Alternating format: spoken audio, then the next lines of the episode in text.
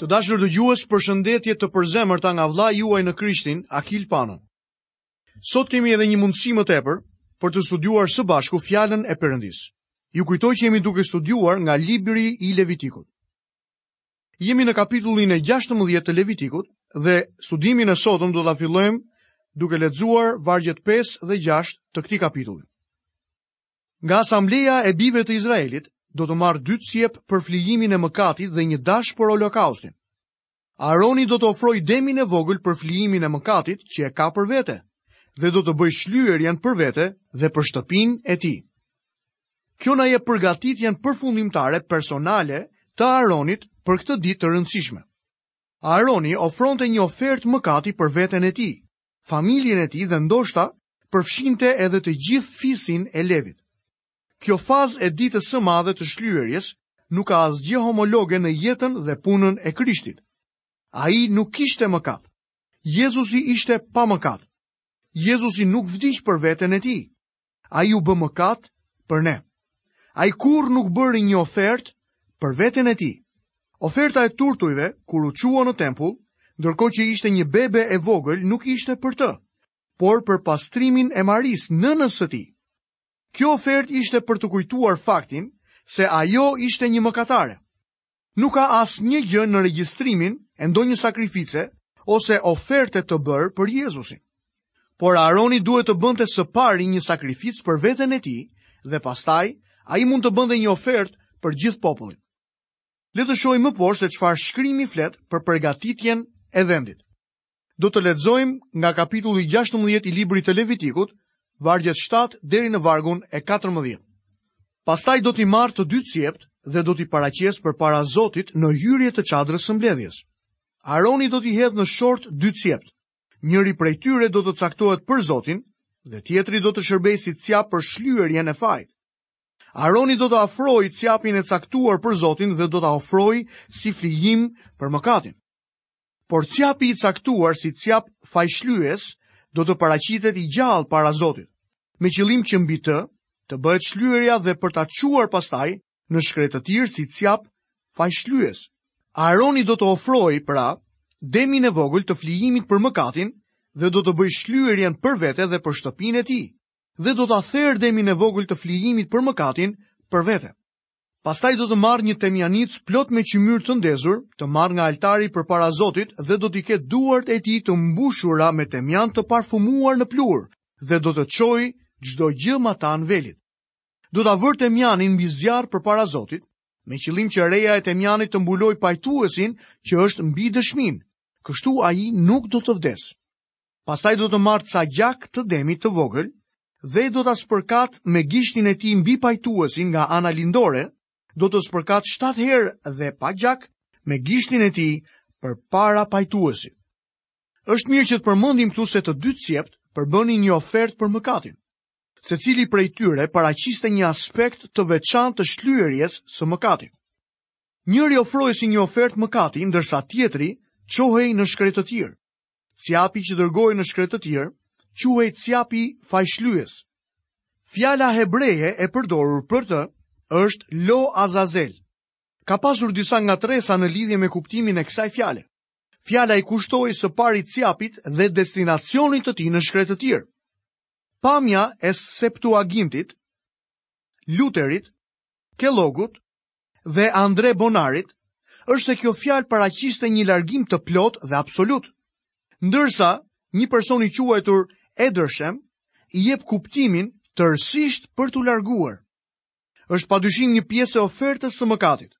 Një pjesë e mëkatit vendosej tek cjapi që duhej dërguar në shkretëtirë dhe një pjesë tjetër tek cjapi që duhej ofruar.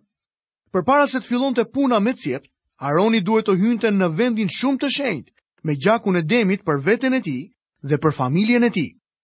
Kështu që nuk është tamam e saktë nëse kryeprifti hynte aty vetëm një herë. Ai hynte aty vetëm një ditë në vit, por ai mund të hynte dy herë gjatë asaj dite. Altari i bronztë ishte në oborrin e jashtëm. Demi për ofertën e mëkateve të tij do të therej si në çdo ofertë tjetër mëkati. Diçka e re shtohet në përfundim të ofertës. Në rrugën për tek vendi shumë i shenjtë, ndërkohë që ai kalonte legenin, jam i sigurt se lante duart dhe këmbët e tij. Pastaj ai duhet të çonte në vendin e shenjtë një temjanicë plot me qymyr të ndezur, të marrë nga altari i artë dhe do t'i ketë duart e tij të mbushura me temjan të parfumuar. Ai do ta vendosi temjanin mbi qymyrin në temjanicë. Kur do të kalonte velin për të shkuar në vendin shumë të shenjtë, reja e tymit do ta mbushte vendin e shenjtë. Arka dhe pajtuesi ndodhej në vendin shumë të shenjtë. Ai do të merrte gjakun e demit që e kishte sjellë me vete në një legen, do t'i zhyste gishtat e tij në të dhe më pas do të spërkaste para pajtuesit 7 herë. Gjaku e bënte majën e arkës një pajtues. Shtatë herë tregon një shlyerje të plotë dhe të përshtatshme. Unë jam i sigurt se kjo ditë ishte një ditë e mrekulueshme për kryepriftin. Ai duhet të ishte tepër i përpiktë dhe i saktë në prezencën e Perëndisë. Devijimi më i vogël do të shkaktonte vdekjen e menjëhershme. Ai ndoshta e përsëriste disa herë ritualin përpara se ta kryejë në të vërtetë. Me aq sa ne dimë, asnjë kryeprift nuk ka vdekur në vendin shumë të shenjtë. Të vetmit persona që vdiqën ishin Nabadi dhe Abihu. Krishti u bë mëkat për ne në kryqin e Golgotës. Dhe kjo është ngjashmëria me altarin e bronztë në tabernakull.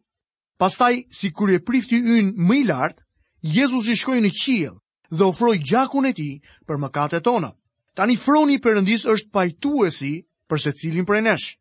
E gjitha kjo është e qartë dhe na mësohet te kapitujt 9 dhe 10 të librit të hebrenjve. Ndërsa Aroni shkonte me frikë dhe dridhje përpara fronit, ne na është kërkuar që të shkojmë me guxim, sipas letrës së hebrenjve kapitulli 4 dhe vargu i 16. Ndërkohë që ai nuk guxonte të zgjatej dhe mund të shkonte vetëm një herë në vit, ne na kërkohet të shkojmë vazhdimisht tek ai.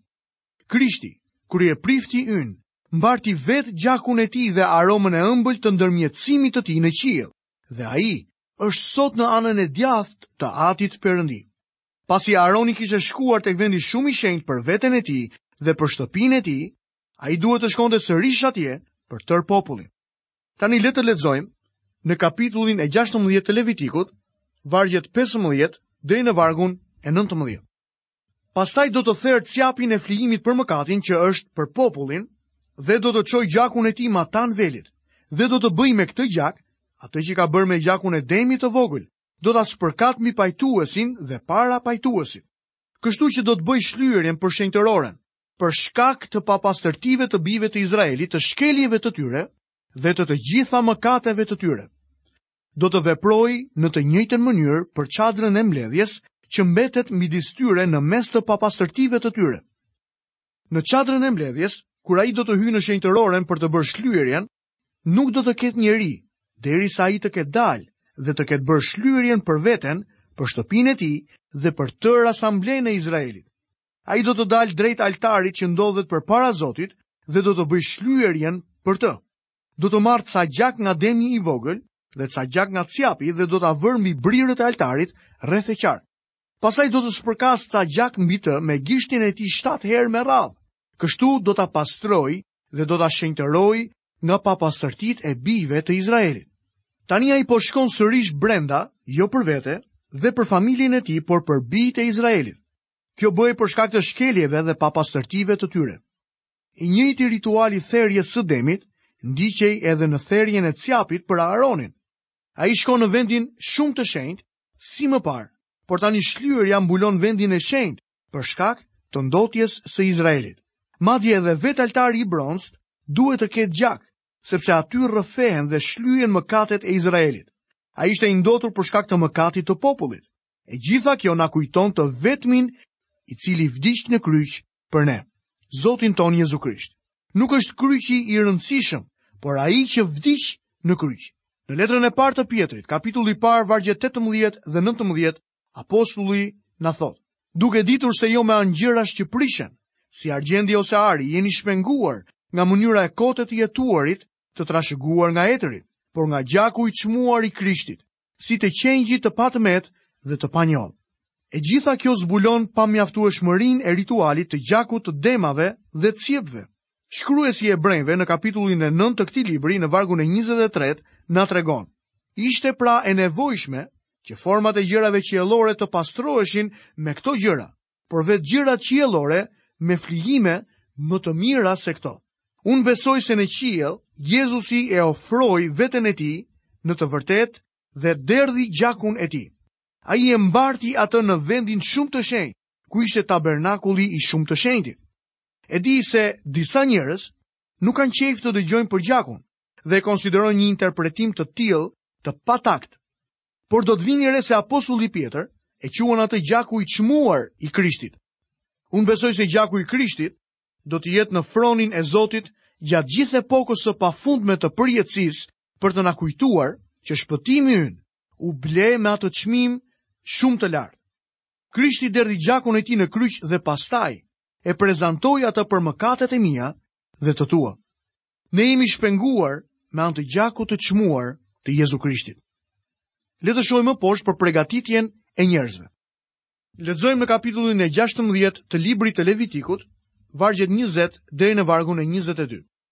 Kur të ketë mbaruar së kryeri shlyerjen për shenjtëroren, për çadrën e mbledhjes dhe për altarin, do të afrojë cjapin e gjallë. Aroni do të vendosë të dyja duart e tij mbi kokën e cjapit të gjallë dhe do të rrëfejë mbi të tërë padrejtësitë e bijve të Izraelit, të gjitha shkeljet e tyre, tërë mëkatet e tyre dhe do t'i vërë mbi kokën e cjapit. Pastaj do ta çojë në shkretëtirë, me anë të një njeriu të zgjedhur enkas. Cjapi do të mbartë mbi vete në tokë të vetmuar të gjitha padrejtësitë e tyre, dhe ai njeri do ta lërë të shkojë në shkretëtirë. Në këtë ditë kryeprifti shërbente i vetëm. Aroni kishte spërkatur gjakun e cjapit të Zotit tek pajtuesi dhe tani i vendos duart e tij me gjak mbi kokën e cjapit të gjallë dhe pohon mëkatet e Izraelit. Duhet të ketë qenë një listë e neveritshme e mëkateve, por megjithatë, ai i shkon asaj deri në fund. Vendosja e duarve tregon faktin se ky cjap tani identifikohet si mëkatet e Izraelit. Ajo çfarë thuhet për Krishtin: Dhe Zoti bëri që të bjerë mbi të paudhësia e ne të gjithëve, sepse ai bëri të jetë mëkat për ne, është e vërtetë. Ambrose tha: Hajduti e dinte se ato plagë në trupin e Krishtit nuk ishin plagët e Krishtit, por të tijat. Më tej Aroni do ta linte cjapin në duart e një njeriu të zgjedhur dhe që nuk kishte interes personal mbi të. Dhe izraelitët do të vendoseshin në radhë për të parë se kjo punë tashmë ishte kryer. Cjapi i gjallë më në fund do të zhdukej në shkretëtirë, për të mos u parë ose gjetur më kurrë. Lajmi se cjapi ishte larguar do të transmetohej nga një vend tek tjetri, kështu që për pak minuta do të merrej vesh edhe në tempull. Ashtu siç kaloi lajmi nga një vend tek tjetri, edhe lajmi i mirë se Krishti mori të gjitha mëkatet tona, kaloi nga Mateu, Marku, Luka dhe Gjoni, tek apostulli Pal, tek etërit e kishës së hershme, dhe më në fund, erdhi tek ti dhe tek unë. Krishti i largoi mëkatet e tua dhe të miat në një mënyrë të përsosur dhe të plotë. Cjapi shlyes ilustron disa shkrime në këtë marrëdhënie. Psalmi 103 dhe vargu i 12 na thotë: Sa larg është lindja nga perëndimi, aq shumë ai ka larguar nga ne fajet tona. Isaia në librin e tij kapitulli 38 dhe vargu i 17 na thotë: Ja, është për paqen time që kam provuar hidhërim të madh. por në dashurinë tënde ke çliruar shpirtin tim nga gropa e korruptimit, sepse i ke hedhur prapa krahëve të tua të tëra mëkatet e mia. Më poshtë Isaia në kapitullin e 24 dhe vargun e 22. I fshiva shkeljet e tua si një re e dendur dhe mëkatet e tua si një mjegullim. Ktheu tek unë, sepse unë të kam çliruar. Jeremia në kapitullin e 50 dhe vargun e 20 na thotë: Në ato ditë, në atë kohë, thotë Zoti, do të kërkohet paudhësia e Izraelit, por nuk do të ketë fare dhe mëkatet e Judës nuk do të gjenden, sepse unë do t'i fal ata që do të lë të gjallë. Jeremia në kapitullin e 31 dhe vargun e 34 vazhdon të thotë, Ata nuk do të mësojnë secili të afërmin e tij dhe secili vëllanë e tij duke thënë, njihni Zotin, sepse të gjithë do të më njohin nga më i vogli e deri tek më i madhi, thotë Zoti, sepse unë do ta fal paudhësinë e tyre dhe nuk do ta kujtoj më mëkatin e tyre. Çfarë kuptimi ka dita e madhe e shlyerjes së mëkateve për të krishterët? Edhe për ne është një ditë e shenjtë gjithashtu. Kur kryeprifti vendosi duart e tij me gjak mbi cjapin, unë mendoj për Zotin tim në kryq. Gjoni nxjerr në pah. Ja qengji i Perëndisë që heq mëkatin e botës. Dhe më poshtë në letrën e tij të parë, Gjoni thotë: Por po të ecim në dritë, sikurse ai është në dritë, kemi bashkësi njëri me tjetrin dhe gjaku i Jezu Krishtit, birit të tij, na pastron nga çdo mëkat. Një person ka thënë dikur: Besimi transferon mëkatet tona. Krishti i largon, ndërsa Perëndia i harron ato. Lexojmë vargjet 23 dhe 24 të kapitullit të 16 të librit të Levitikut. Pastaj Aaroni do të hyjë në çadrën e mbledhjes, do të zhveshë rrobat e tij prej liri që kishte veshur për të hyrë në shenjtërore dhe do t'i lërë aty. Do të lajë trupin e tij me ujë në një vend të shenjtë, do të veshë rrobat e tij dhe do të dalë për të ofruar olokaustin e tij dhe olokaustin e popullit, dhe do të bëjë shlyerjen për vete dhe për popullin. Rituali i ditës së madhe të shlyerjes së fajit, tani është përmbushur. Më lejoni të them se Aroni, pasi kishte mbaruar këtë punë, duhej të lahej. Kjo nuk gjen asnjë ngjashmëri te Krishti. Kur mbaroi punën e tij, Jezusi u ul në anën e djathtë të Atit në qiell. Aroni nuk guxonte të hynte në vendin e shenjtë edhe për një vit tjetër, por Zoti ynë u ul në prezencën e Atit sepse nuk kishte asnjë njollë mëkati mbi të dhe sepse ai mbarti të gjithë mëkatet e botës në kryq. Vargu 25 na thotë se fakti i ofertës së mëkatit trajtohet si një ofertë e djegur. Kjo e mbron personin e Krishtit nga ndonjë nënkuptim i mëkatit, edhe pse ai u bë mëkat për ne. Lexojmë vargjet 26 deri në vargun e 28. Pastaj do të tymosë mbi altar dhjamin e flijimit për mëkatin. Ai që e ka lëshuar cjapin e zgjedhur si cjap fajshlyes, do të lajë rrobat e tij dhe trupin e tij me ujë dhe mbas kësaj mund të kthehet në kamp. Do të çohen pas kësaj jashtë kampit demi i vogël i flijimit për mëkatin dhe cjapi i flijimit për mëkatin, gjaku i të cilit është çuar në shenjtërore për të bërë shlyerjen, dhe do të digjen në zjarr lëkurët, mishin dhe ndyrësitë e tyre. Pastaj ai i djeg do të lajë rrobat dhe trupin e tij me ujë. Pas kësaj, Ai mund të kthehet në kamp. Personi që e çoi cjapin në shkretëtirë ishte i ndotur nga kontakti me cjapin e gjallë dhe duhet të lante rrobat dhe veten e tij nga ndotja. Mbeturinat e demit dhe të cjapit nxirreshin jashtë kampit dhe digjeshin. Dhe njerëzit që e bënin këtë duhet të laheshin pas kësaj. Unë po ju them se Perëndia po u ngulite këtyre njerëzve faktin se ata ishin mëkatarë, mëkatarë të humbur. Ai po tregon se ai dhe vetëm ai është i shenjtë dhe se mëkati i ndan njerëzit nga Perëndia. Miqtë mi, mëkati na ndan nga Perëndia, por kemi një lajm të mirë për të shpallur sot. Krishti vdiq për ne. Ai është personi që largoi mëkatet tona me gjakun e tij kur hyri në vendin shumë të shenjtë. Lexojmë sërish tek libri i Levitikut kapitullin e 16, vargjet 29 deri në vargun e 34. Ky do të jetë për ju një ligj i përjetshëm në muajin e 7, ditën e 10 të muajit, do të përulni shpirtrat tuaj dhe nuk do të kryeni asnjë punë, as ai që ka lindur në vend, as i huaji që banon midis jush, sepse atë ditë, prifti do të bëjë shlyerjen për ju, për t'ju pastruar me qëllim që të jeni të pastruar nga tërë mëkatet tuaja përpara Zotit. Është për ju një e shtunë madhështore pushimi dhe ju do të përulni shpirtrat tuaj, është një ligj i përjetshëm. Prifti që është vajosur dhe që është shenjtëruar për të shërbyer si prift në vend të atit të tij, do të bëjë shlyerjen dhe do të veshë rrobat prej liri, rrobat e shenjta.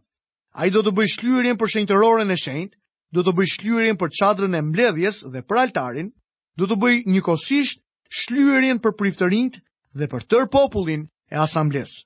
Ky do të jetë për ju një ligj i përjetshëm për të shlyer mëkatet e bijve të Izraelit, për të gjitha mëkatet e tyre, një herë në vit, dhe Mojsiu bëri ashtu siç e kishte urdhëruar Zoti. Dita e shlyerjes është dita e vetme e vajtimit dhe e agjërimit që Perëndia u dha njerëzve të tij. Në këtë ditë ju nuk thoni gëzuar ditën e shlyerjes, sepse nuk është kjo mënyra e festimit të saj. Është dita në të cilën ti pikëllon shpirtin tënd për shkak të mëkateve të tua. Ishte pikëlluese për mëkatin. Kjo ishte baza për agjërimin në testamentin e vjetër. Kjo ditë zbatohej derisa erdhi sakrifica e qëndrueshme dhe e përjetshme e mëkatit, e cila u përmbush nga krishti në vdekjen e tij.